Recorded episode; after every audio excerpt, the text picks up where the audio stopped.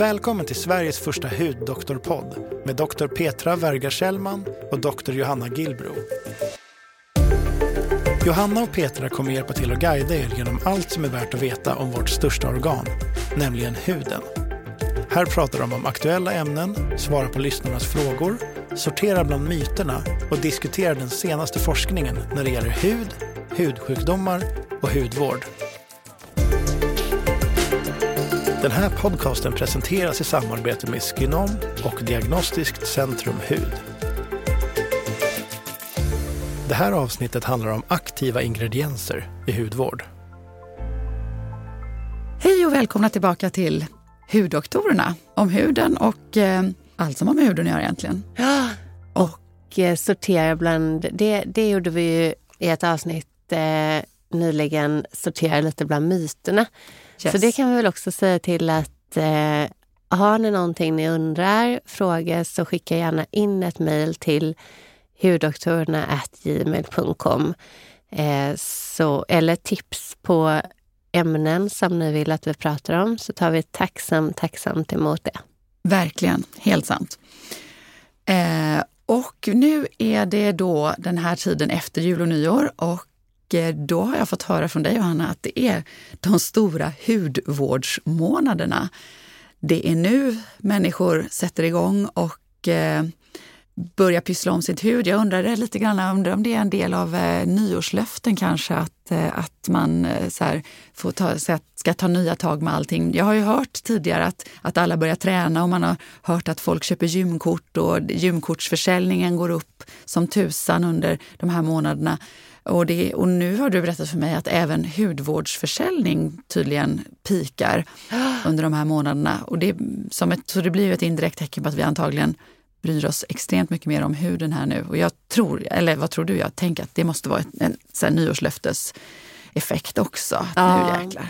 Jag tror att det är det och en kombination med att eh, har man problem med huden så brukar det i alla fall inte vara bättre under de här månaderna. Så det, Det är ju helt sant. också det att man känner att man vill göra vad man kan och då, då blir hudvårdshyllan en, en parameter som man tittar på. Ja, det kan jag i och för sig tänka mig. För att den här tiden på året så är det ju det är torrt och det är kallt och då blir huden torr och den blir allmänt sämre faktiskt Mm. med allt vad det kan leda till. Allt från eksem till olika hudutslag och, och grejer. Och det är klart att det, då blir man ju sugen på att fixa mer med huden kanske. Precis. Så Och vad det- kan man göra då? Ja, och, och om vi bara eh, snabbt så här kopplar tillbaka till förra avsnittet när vi pratade om känslig hud. Har man en känslig hud och, och, och torr och känslig, då ska man ju kanske inte gå loss i att, eh, att använda aktiv hudvård med för mycket aktiva ingredienser och sådär, utan då är det ju tyvärr det där att minimera. Och sen kan det vara så när man är en annan säsong precis efter sommaren som vi pratade om, då kan huden bete sig på ett helt annat sätt och man kan då eh, kanske gå eh, använda de här aktiva ingredienserna som en känslig hud kanske inte eh, Tål just nu. Vinterhalvåret? Ja, men det är Men sant. har man i alla fall, om man inte har en överkänslighet i huden och ändå vill liksom ta hand om huden i möjligaste mån med an, jag tänker att man, eh, fukt är en sak och det bör ju alla ha, att man eh, satsar på bra fuktkräm. Det är en sån grund liksom. Men, Ja, precis. Men om man vill piffa lite också då och tänka att man vill, eh, att man, eh, att man vill eh, bara inte, inte bara liksom bevara hudens fuktighet utan att man kanske vill försöka eh, minska den annalkande mängden rynkor eller man vill eh, förbättra texturen i huden och, och så. Kan man göra det då? Ja, det kan man faktiskt. så att eh, det, det, den första så här grund, grundstolpen att stå på, det är ju fukt. Det är, för det, det har man sett att eh, får man de här torrhetsrynkorna så, så är det större risk då att de eh, fördjupas till djupa rynkor. Och där ser man ju faktiskt ganska stor skillnad i ol- olika etniciteter. Så tittar man på det här som vi brukar kalla Fitzpatrick phototypes, alltså hu- våra hudfärger, då brukar man dela in dem i sex olika kategorier. Sen har vi ju en, en jättestor palett av hudfärger i vår värld. Men inom dermatologin så Men grupperar man det, ja, Grupperar man det. 1 till 6 då. Det är en, ett är extremt ljus och eh, nummer 6 är då mörk hud. Ja, precis. Och då ser man att från 1 till 6, alltså, eller från 1 till 3 menar jag, så en väldigt ljus hudtyp eh, till en trea. Och tittar man på eh, generellt sådär, skandinaver så eh, brukar man säga runt en tvåa till trea. En ett etta brukar man se populationer i England, alltså rödhåriga fräknar, väldigt, väldigt ljus hudtyp Mm. som inte blir brun. Man, man får liksom ingen solbränna. Inte tål det minsta sol, blir bara röd och även om du är ute i solen så får du aldrig någon pigmentering i princip. En, en ganska stor riskhud ur ett eh, tumörperspektiv. Men Ja. det är en annan fråga, det tar vi en annan gång. Ja, det, den, den får vi ta i april, maj kan vi prata om. Yes. Eh, men i alla fall i de här ljusa hudtyperna så ser man att eh, vi har en högre benägenhet för känslig hud. Det pratade vi om förra omgången. Men även högre risk att få rynkor tid, tidigare. Eh, så att, ehm, och det tror man har, dels är det genetiskt men sen tror man också det har att göra med vår fuktfattighet i huden. Då eh, Eh, just med våra säsonger, att vi har det här torra, kalla klimatet och så drar det liksom ut vattnet. Ehm, och de utvecklas då till djupa rynkor sen. Och då finns det vissa saker som man, eh, som man eh, kan göra för att minska den här utvecklingen av prematurt åldrande av hud. Och det, dels är det ju då ett fukt, men sen finns det även andra ingredienser som man kan använda och det är ju dels eh, retinol. Retinol har vi pratat om i tidigare avsnitt och det är en sån här ingrediens som, är, som faktiskt har en ganska intressant historia. Det var ju när man på 60-talet började man behandla aknepatienter med vitamin A och vitamin A-syra. Och de här patienterna självrapporterade då i studien att de tyckte att under de här tre månaders tid att eh, rynkorna hade minskat. Och det här var ju väldigt intressant eh, för kosmetikföretagen. Så egentligen, man, man tror ju Många tror kanske att retinol är en ganska ny ingrediens, men nej, nej, nej, det här, den har använts Den har funnits jättelänge. absolut. Det är bara att den har, ja, med det ökade intresset för hudvård kan jag tänka mig, det är det väl det- därav som den har blivit som omtalad. Och Ja. att det egentligen är den enda som verkligen är riktigt studerad och har effekt. Liksom. Ja, en, det betyder ju inte att andra kanske inte har effekt, men den är ju väl, väldigt välstuderad. Verkligen, verkligen. Och retinol har ju då, den har ju bra effekt när man har en aknedrabbad hud, för det var ju så den utvecklades från start. Men den har även en kollagenuppbyggande effekt, alltså att den minskar då synligheten av rynkor. Och sen har den även en väldigt fin effekt på texturen i huden. Du sa texturen där. Och, ehm, och det har den, eh, den verkligen en utjämnande effekt på huden. Eh, och det här ser vi faktiskt i kliniska studier. Så vi gjorde precis nu en klinisk studie som, eh, och där var det i och för sig på aknedrabbad hud. Vi hade en, ett koncentrat med retinol, 0,1 procent. Eh, och såg jättefina effekter just på texturen och på att det jämnar ut oregelbundenheter i huden. Eh, så att eh, där fick vi signifikanta effekter på en panel av 15 personer bara på tre veckor. Oj, På wow. fina linjer också. Så att eh, det var väldigt, väldigt Hur är det eh, med, kul att är det se. med bieffekterna då? För tålde de det här då, patienterna? Alla, alla personerna tålde. Då ska man också säga att det, i och med att vi gjorde studien för en aknedrabbad hud så hade de här eh, personerna också Då har mer lite olja. Ja, ja, ja, just det, det och då, sant. är, då Mm. tål man retinol mycket bättre än om man har en väldigt torr och känslig hud. Mm. Men det var ingen som, eh, som fick någon eh, biverkan i studien. Mm. Intressant. Använder du själv retinol? Ja, det är jag. Jag med, Gör du det? Ja, faktiskt. Finns det någon annan ingrediens där som du, eh, som du använder? Eh, Vi brukar nej, få, jag- vi ska säga det, vi brukar få väldigt mycket frågor eh, till mejlen och Instagram och sådär, vad vi använder själva. Ja. Och det har vi inte varit så duktiga med att, Nej. att prata om. Det, Nej, men faktum är att det här är ju lite roligt att jag har en, eh, en eh, kräm som jag har haft i många år som faktiskt märkligt nog då inte går att köpa i Sverige. Men spelar ingen roll. Den, vad den innehåller är i alla fall retinol och även glykolsyra faktiskt. Mhm. Det har jag varje dag helt enkelt. Och både morgon och kväll.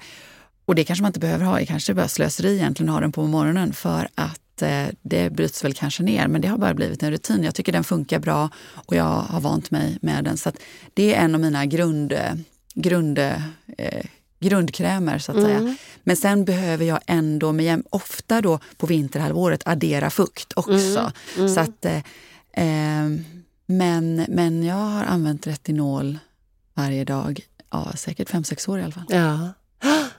Och det kan man ju, en del, ibland så kan det vara en del säga, ja men det har fin hy och är det därför? Så jag vet ju inte, jag vet inte hur jag hade sett ut annars. Kanske, kanske hade sett likadan ut, det Mm. kanske inte har någon effekt, vad vet man?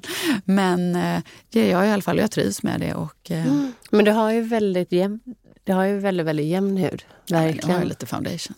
Ja, men det. Och Det brukar jag faktiskt också säga till mina patienter som ibland kommer, då kan man vara liksom 30-40 år och tycka att ja, men jag har liksom fläckar och brustna kärl och allting sånt där. Och, och vill inte, men det ingår faktiskt. Och så ser huden ut när man har passerat 20 typ. Och eh, trivs man inte med det så får man fixa det eller så får man köpa foundation. Ja. För att man kan faktiskt inte ha en, en, en jämn hudton med ökande ålder om man inte är, har typ aldrig sett en solstråle. Då möjligen kan man Mm. ha det. Mm. Ja.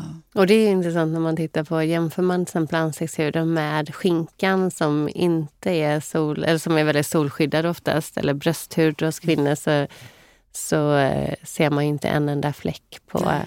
Det är lite, lite gropar däremot. Ja, ja, oj, oj, oj, du ska se, ska se groparna här. Fast det där är superintressant för Mm. det finns ju, nu är det många bolag som tittar på hur man kan stimulera fettsyntesen i ansiktshuden. För Ah, där, ja. det tappar man ju också, fettet Mm, i mm, ansiktet mm. när vi åldras. Så kan man då boosta den här fettproduktionen så eh, kan man få lite spänstigare och fylligare hud. Mm, ja, precis. Gud, det är mycket som kan göras. Så retinol, det är en ingrediens som, eh, som precis har använts sedan 1968. Mm.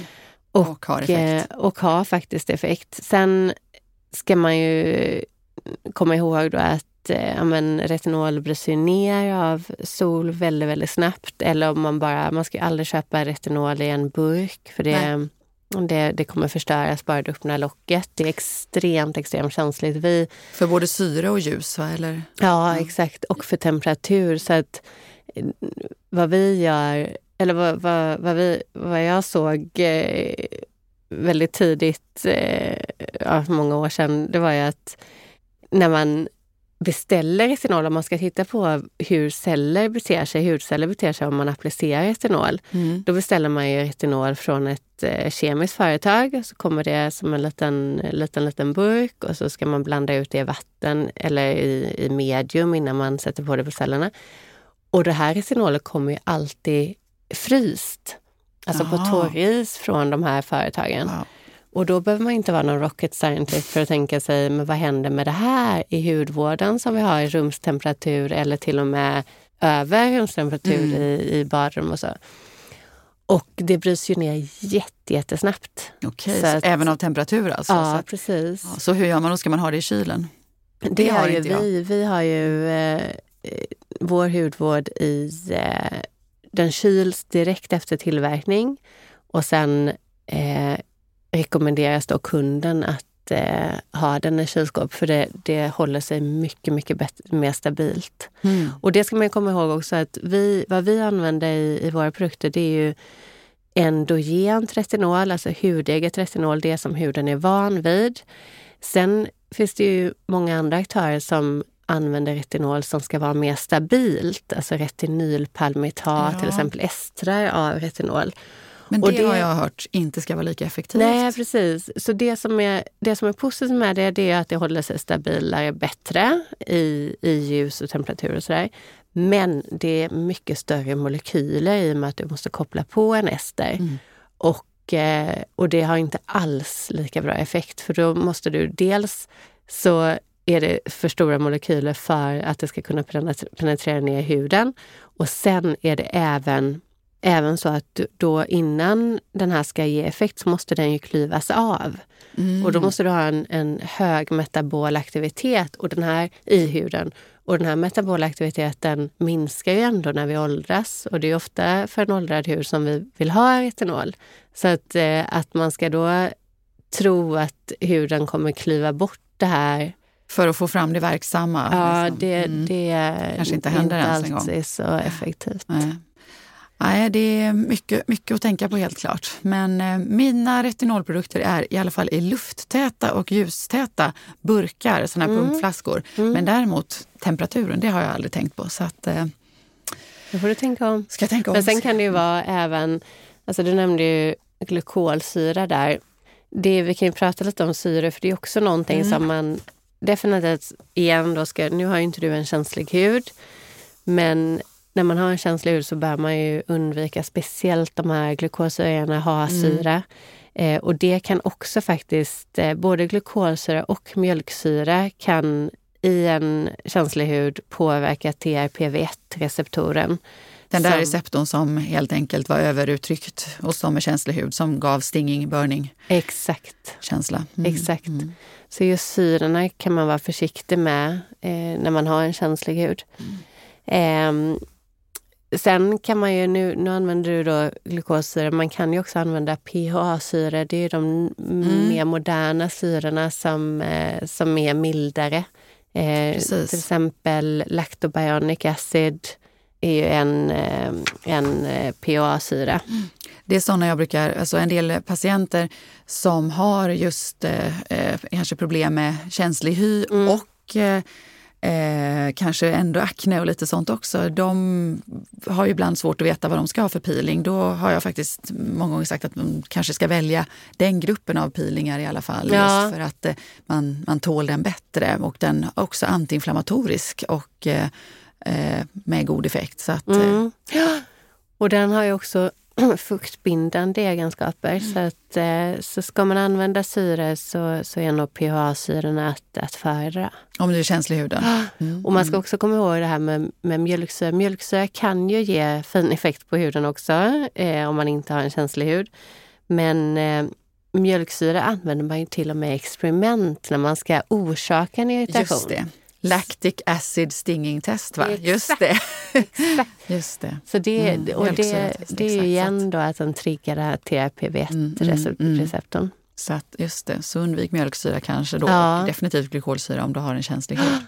Och Exakt. håll det till PHA-syrorna, de här lite mera snälla. Men ja. ändå, som sagt var, inte, man tror ju alltid att så fort det ska, att de är snällare, att de ska ha mindre effekt och så vidare. Men att, att de är ganska, har en bra antiinflammatorisk effekt i alla fall. Så att eh, man kan få bukt med till exempel rosacea och sånt där. För en del rosacea-patienter och patienter med perioral dermatit är ofta oroliga för kan jag göra mm. kemisk peeling eller inte. Självklart får man ju pröva, man kan inte garantera men ska man liksom inte bara vara tråkig och avråda helt från mm. allt för att det är enklast mm. så kan man ju råda att, eh, att, att brukar jag råda att, att pröva det i så fall. Mm. Ja.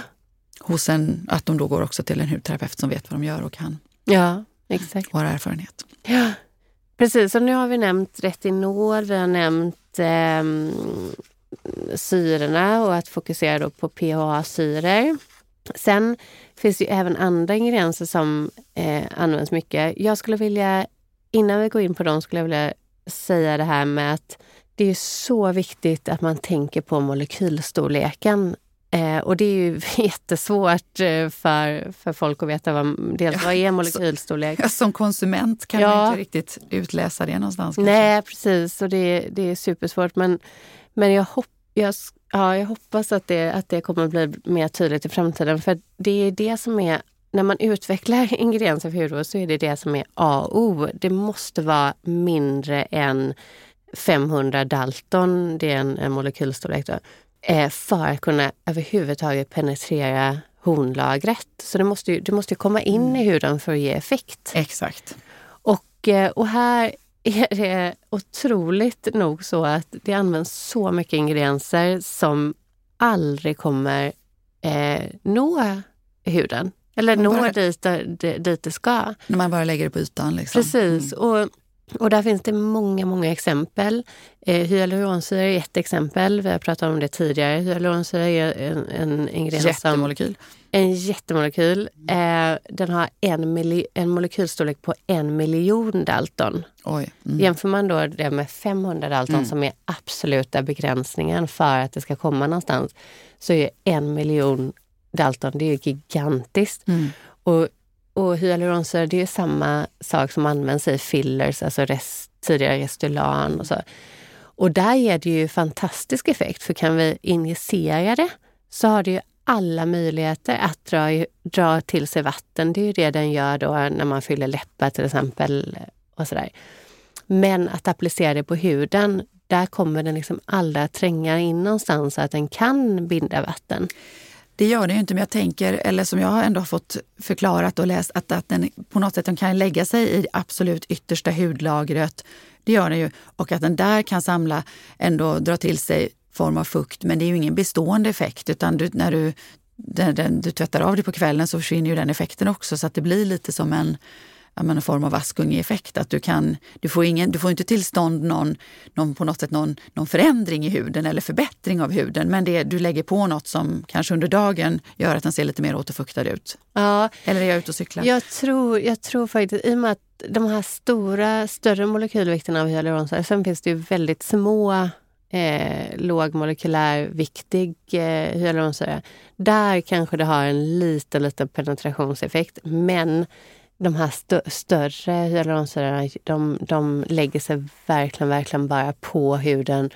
Och jag är väldigt tveksam till att det har... Och kommer inte ens i liksom kontakt med någon fukt? Och inte ens under nej. dagen så att säga? Nej. nej. Så, nej okay. Utan det, och, och likadant eh, peptider. Peptider är ofta också väldigt stora molekyler om du inte har bara tre aminosyror. Men är de längre kedjor då kommer de inte heller att penetrera huden.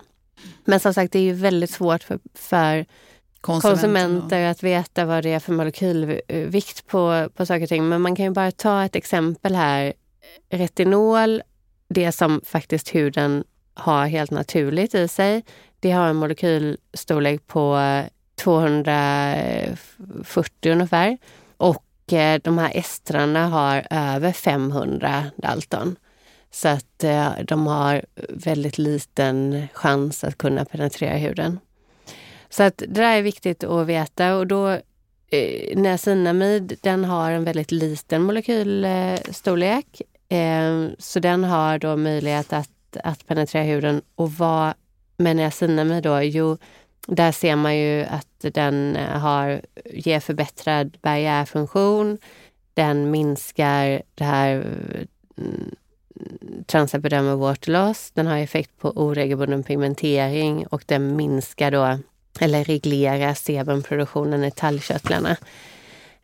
Um, så att, um, Riktigt bra med andra ord. Ja, så den, och även vitamin C också en sån här som har eh, runt 170 tror jag i, i molekylstorlek. Också liten molekyl som faktiskt kan penetrera huden och eh, och ge effekt. Och där har man ju sett dels att vitamin C alltså hjälper till att stimulera kollagenproduktion och den har även effekt på pigmentcellen. Så vill man jämna ut en eh, oregelbunden pigmentering till exempel och också boosta kollagenproduktionen för att jämna ut fina linjer så kan vitamin C definitivt ha effekt. Men vitamin C är också en sån här ingrediens som är extremt känslig oh, för syre och temperatur.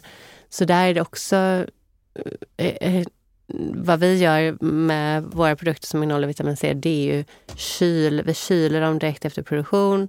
De står i kylskåp i våra lager innan de skeppas till kund och kunden rekommenderar också att, an, att eh, ha produkterna kylt.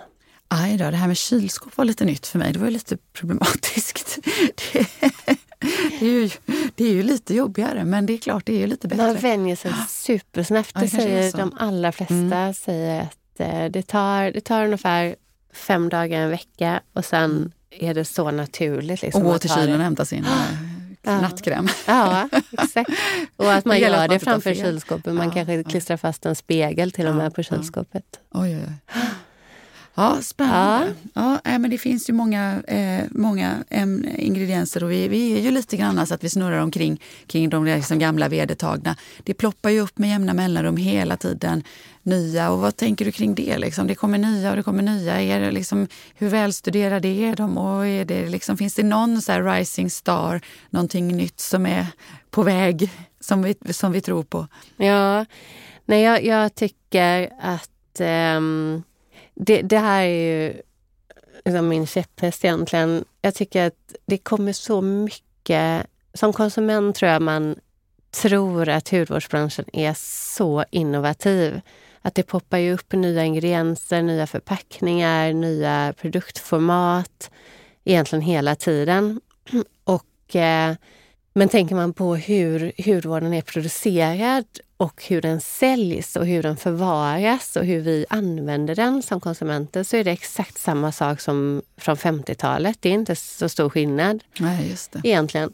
Och, eh, och jag tror att det, det som skulle ge bättre effekt för huden det är att vi börjar se över det sättet, alltså det här sättet vi producerar traditionell hudvård, att vi har jättelånga hållbarhetstider. Vi kan ha det stående på en en hylla i affären under väldigt Ett lång halvår. tid.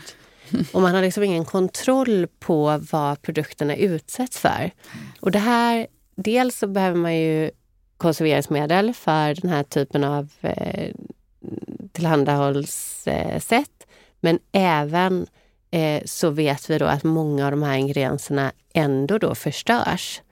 Så att som konsument så vet du inte det kan ha, ingredienser kan ha jättefina resultat i de kliniska studierna som görs av bolagen. Men om du, att, att du som konsument verkligen får den effekten sen, det finns ingen kontroll på det Nej, det är- överhuvudtaget. Nej, det har jag förstått. Och det är ju svårt och det kommer inte vi egentligen kunna ge några tips till våra lyssnare heller hur man ska...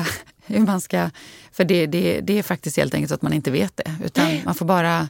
Men det menar att, att det finns en medvetenhet om det kanske är bra. Men, eh, men Ja. eh, exakt hur man ska rå på det, det, det, det är ju inte kvalitetskontrollerat på samma sätt som ja, men, mm, läkemedel såklart. Liksom. Så att man riskerar att, eh, att, att inte riktigt få det man betalar för. Mm. Så sen måste det kunna vara så då att, jag menar, om vi nu pratar om att olika ingredienser kan förstöras, så kan det ju vara så, tänker jag mig då, att en batch funkar bra. Så om du köper på det varuhuset Ja. X som har hög omsättning på sina produkter Mm. eller om du köper på varuhuset Y som, eh, där de har stått och dammat lite ett tag så kanske det också är skillnad. Exakt, så kan det absolut vara. Och sen är det någonting som också är helt sjukt när man tänker på det egentligen. Det är att det inte ens står något eh, på egentligen alla hudvårdsprodukter så står det inget produktionsdatum. Det Nej. står på sin höjd står det ett utgångsdatum. Det står inte alltid heller. Det Utan, står oftast att du ska inte använda det efter att det är inom 12 månader. Ja. Det är väl det enda. Men, Exakt, men, men, det är lite du har ingen intressant. aning om Nej, den, om den producerades 2017 Nej. eller 2021. nej. Eller 2016. Mm. så, att, eh, så det där, och det, det, det är ju en, en väldigt stark övertygelse hos mig att jag tror kan vi ändra det här sättet så att vi faktiskt har kortare hållbarhet, vi kyler produkterna direkt efter tillverkningen. Sen blir det ett mycket dyrare sätt att, att göra produkter. Det, Mm. Precis. det har ju vi haft oss otroligt mycket utmaningar med. Att, att det, blir, det kostar ju betydligt mycket mer eh, att utveckla produkter på det sättet. Mm, mm, mm. Okej, så nu för att sammanfatta så har vi ju pratat om retinol, det är vitamin A, vi har pratat om niacinamid, det är vitamin B3, vi har pratat om vitamin C. Det kan man ju se på inkelistan som till exempel as- ascorbic acid, brukar det stå. Eh, eller för all del också stabilare varianter, askorbylglykosid. Eh, ja, det finns en mängd olika stabilare eh, vitamin C-derivat. Och sen har vi pratat om syre då. Det finns ju AHA-syror, BHA-syror, PHA-syror.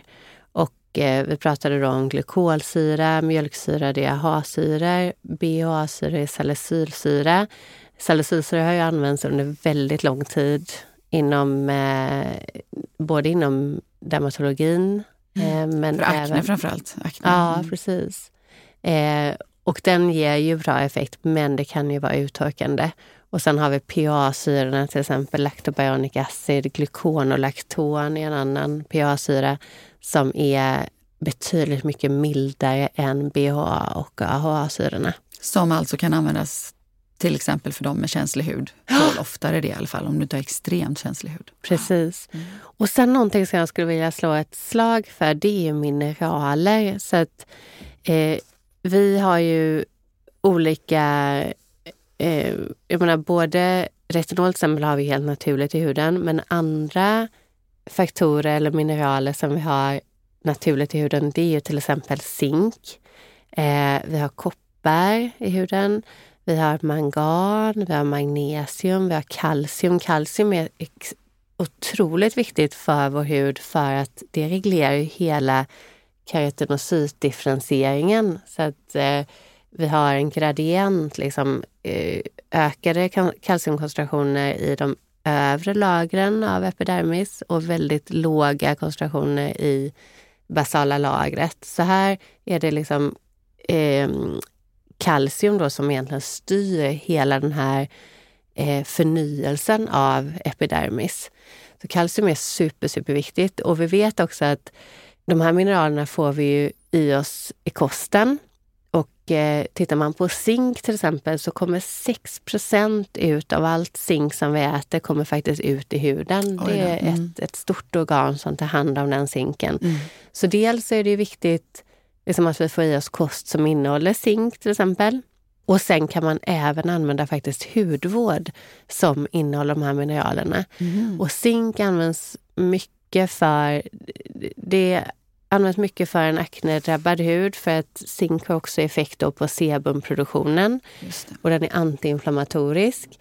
Men på grund av dess antiinflammatoriska verkan så kan den även vara bra för andra hudtyper eh, normal eller torr och känslig hud. Så zink är, och de här mineralerna, det som är positivt med dem, det är också att det, det är någonting som huden är väldigt van vid. Vi har de här mineralerna och de stimulerar också olika enzym i huden. Så och är de här lika känsliga som alla Nej. andra? Nej! Det är det som är så bra. Det, det här, och, det, ja. precis, och det här är ett tips faktiskt. Att just hudvård med mineraler Eh, och då vi sammanfattar zink, mangan, magnesium, eh, koppar till viss del, selen. Eh, alla de här mineralerna det är ju grundämnen så det händer ingenting med dem. De kan inte brytas ner. Du kan egentligen göra vad som helst med de här produkterna. De kan yes, inte... Äntligen! Ja. Så att eh, det, det, det, där kan man lita på att det som, som eh, bolaget har stoppat i faktiskt finns kvar när mm. du får det som konsument. Likadant är det med syre faktiskt. Syre är extremt stabila. Okay. Så att de, eh, de håller sig också. Eh, det låter ju i alla fall lite positivt. Ja. Man blir ju lite sorgsen här när man tänker att, eh, att man kanske då köper olika saker som ska ha olika effekter och som är vetenskapligt studerade men kanske inte behåller sin effekt för att de hanteras på fel sätt. Så finns det några tips överhuvudtaget där som du tycker man som då konsument kan leta efter eller tänka på eller så för att, för att, ja, för att, för att, för att minska risken att man lägger pengar i sjön på sånt som inte har någon verkan? Ja, just det där med de här aktiva substanserna som är känsliga för temperatur, eh, som vitamin C, retinol, andra antioxidanter där är det svårt skulle jag säga. Där, där, där ja, vill man välja vår hudvård så, så är den ju kyld och, och vi har liksom, eh, vi vet att det finns lika mycket som vi stoppar i när vi säljer produkten. Men sen vill man använda eh, annan hudvård, då kan man titta på de ingredienserna som är stabila. Och då, då är det till exempel syre, olika mineraler. Niacinamid är också väldigt stabil. Den okay. påverkas inte heller. Så det är, det är egentligen huvudsakligen A-vitaminet och, och eh, alltså retinolet och eh, vitamin C. Ja, och andra antioxidanter. Andra antioxidanter ja. just det.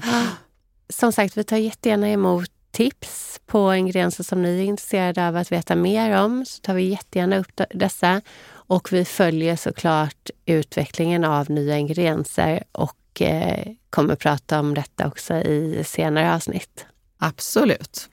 Men det var en jättebra sammanfattning, men du kan ju allt det här så bra. Ja, men tack detsamma, det var super.